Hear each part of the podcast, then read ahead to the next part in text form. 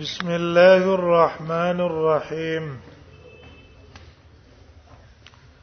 باب ما جاء ما يستحب عليه الافطار باب بیان د حدیثو کې پای کې راغله د بیان د هغه شی چې په هغه باندې روزه ما تول مستحب دی سره په هغه روزه ما تکي بهتر اګه پاغې دې ماته نه کړه په بل چې دې ماته کړه سو نقصان نشته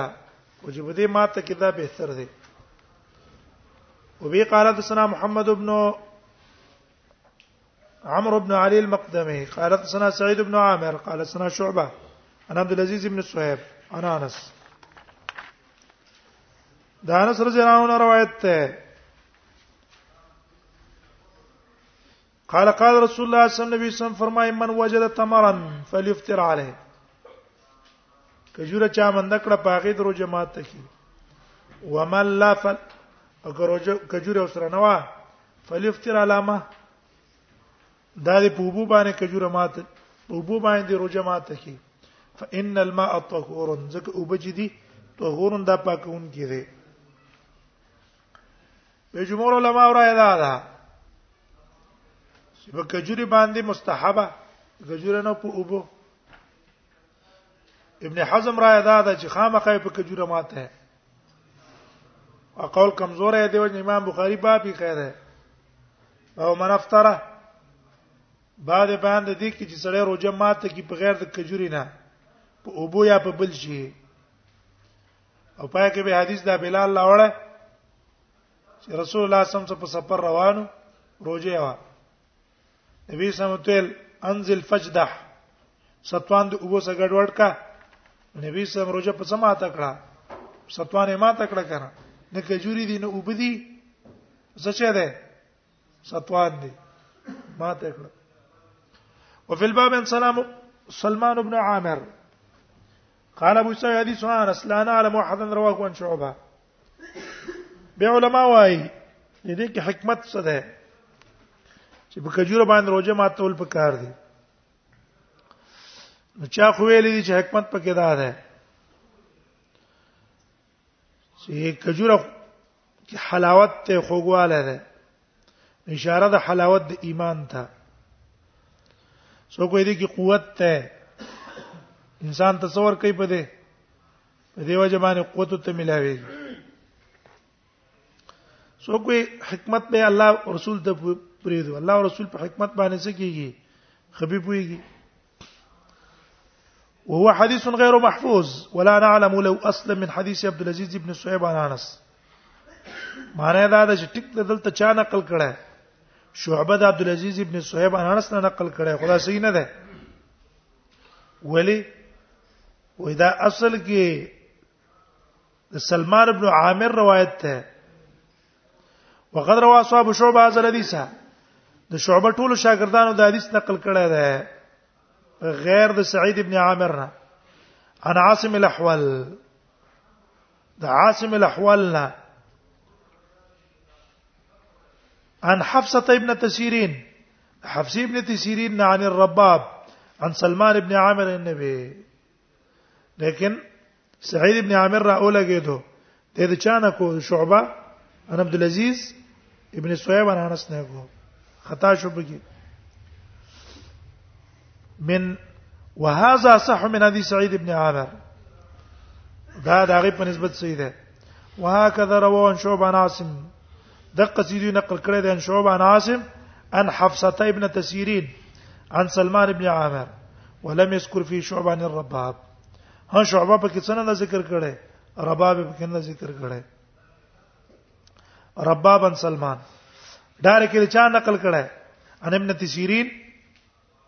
عن سلمان په منځ کې رباب واستنه د ذکر کړه والصحيح ما رواه سفيان الثوري وابن عيينة وغير واحد عن عاصم الاحول عن حفص بن سيرين عن رباب بن سلمان بن عامر شعبانه په غیر چې نورو کسانو سلمان او د حفصه بنت سیرین په منځ کې رباب واسطه ذکر کړی دا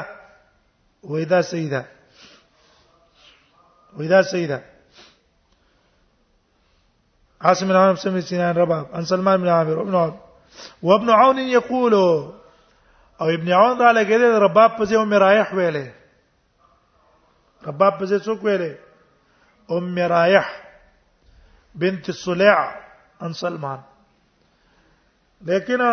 رباب هم دي ته وای او مرایحه هم ته وای دوه یو شی دي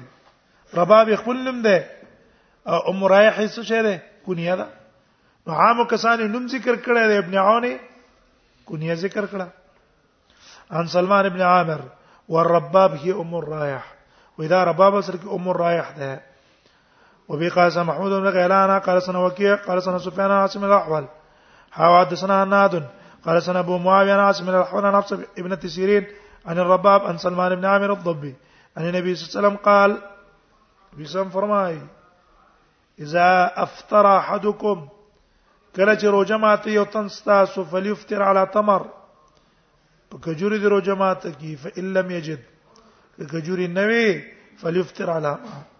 به د ابو باندې روزه مات کی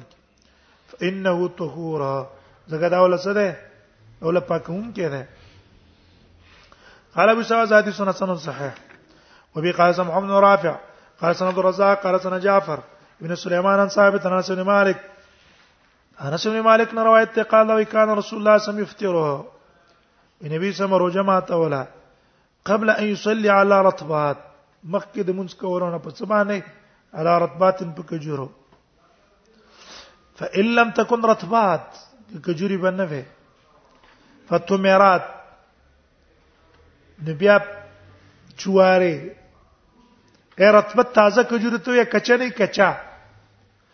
او دا تمیرات چې کوم دي کنه دا خورستو بیا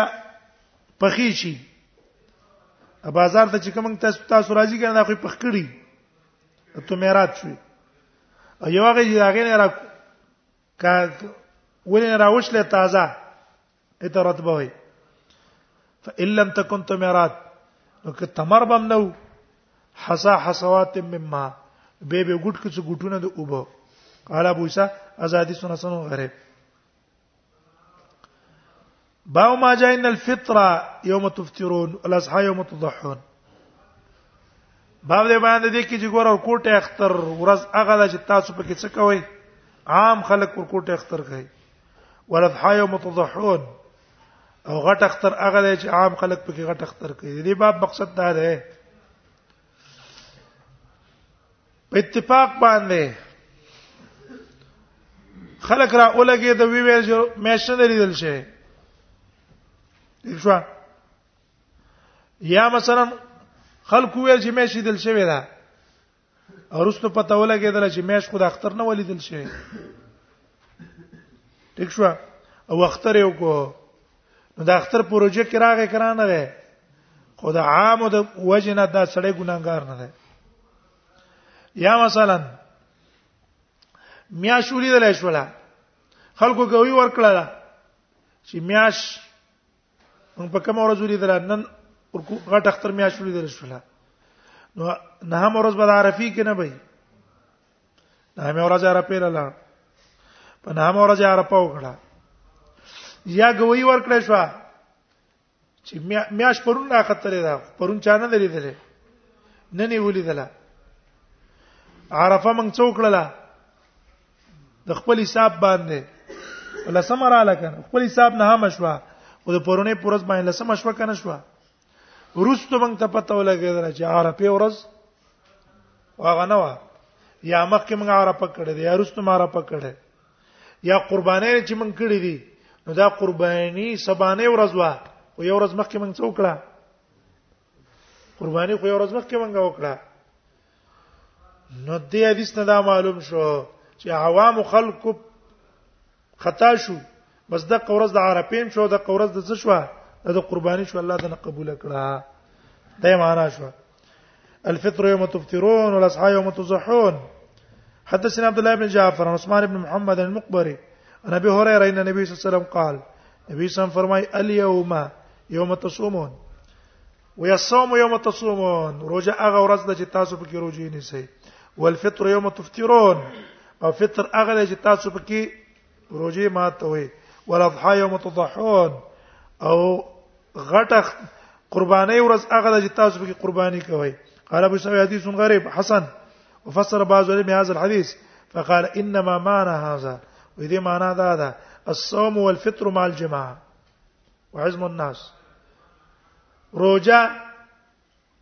نیول اختر کول قرباني کول د عام خلکو څوکا عزم الناس پښوا یو جما من ته خلک کله وای هلکه دلته خلکو روجا نه دی نیول موږ عزم الناس په تمامه دنیا کې اختر دی صرف پاکستان کې نه دی نو پاکستان څه به کوي ټول دنیا څه به کوي په دنیا څه وکړه کنه خو هغه نږدې ملکونه دی حالت اختر ده هستا نه ده ته ولې ولاسه یو متزاون ټول دنیا کې قربانې نه وشي خي ویني اته به په ورځ ناس اکل په کلا دوه ورځې مشاته شي توجي دوه ورځې په کې دلته شاته شوی دی دوه ورځې اختر رستو دوه ورځې روزي رستو ټول دنیا کې اختر خلاص شي او د دې به بل ورځ اخترې درې کاله مخکې تقریبا د دوه کاله مخکې د قصو شو تمامه دنیا کې دویم ورځ د دریم ورځ د اختر وا په پاکستان کې اول ورځ د اختر رااله دا څنګه د الله میاشت ده تمامه دنیا کې چې یو ځکه مېش کار شي 24 غنټو کې په تمام منځلونو کې ځان کار کوي لیکن پاکستان ته 48 غنټه پس را ورسېده 48 غنټه پس را ورسېده اس یو مزاق دی د الله په دین پورې خندا کول خو هغه نه چې موږ ګمان خپګان نشته کم هغه پروانه ساتي ابو روجینی چې کنه به نيز زغم نشتا موږ دغه مرګرو نه خفګانی عبادت کوي دین کوي د پروا سره ساتي نه حکومت سره روزنه ویلي حکومت سره رسپي ټول علاقو کې اختري او دا بس پکې روزنه ویلي ټول خلک اختر خلاص کیو د بیا روز په کون کونی شروع شوی سکه مونږ کو د اختر خلک مو تاریانه دي دا څنګه حساب دی اوس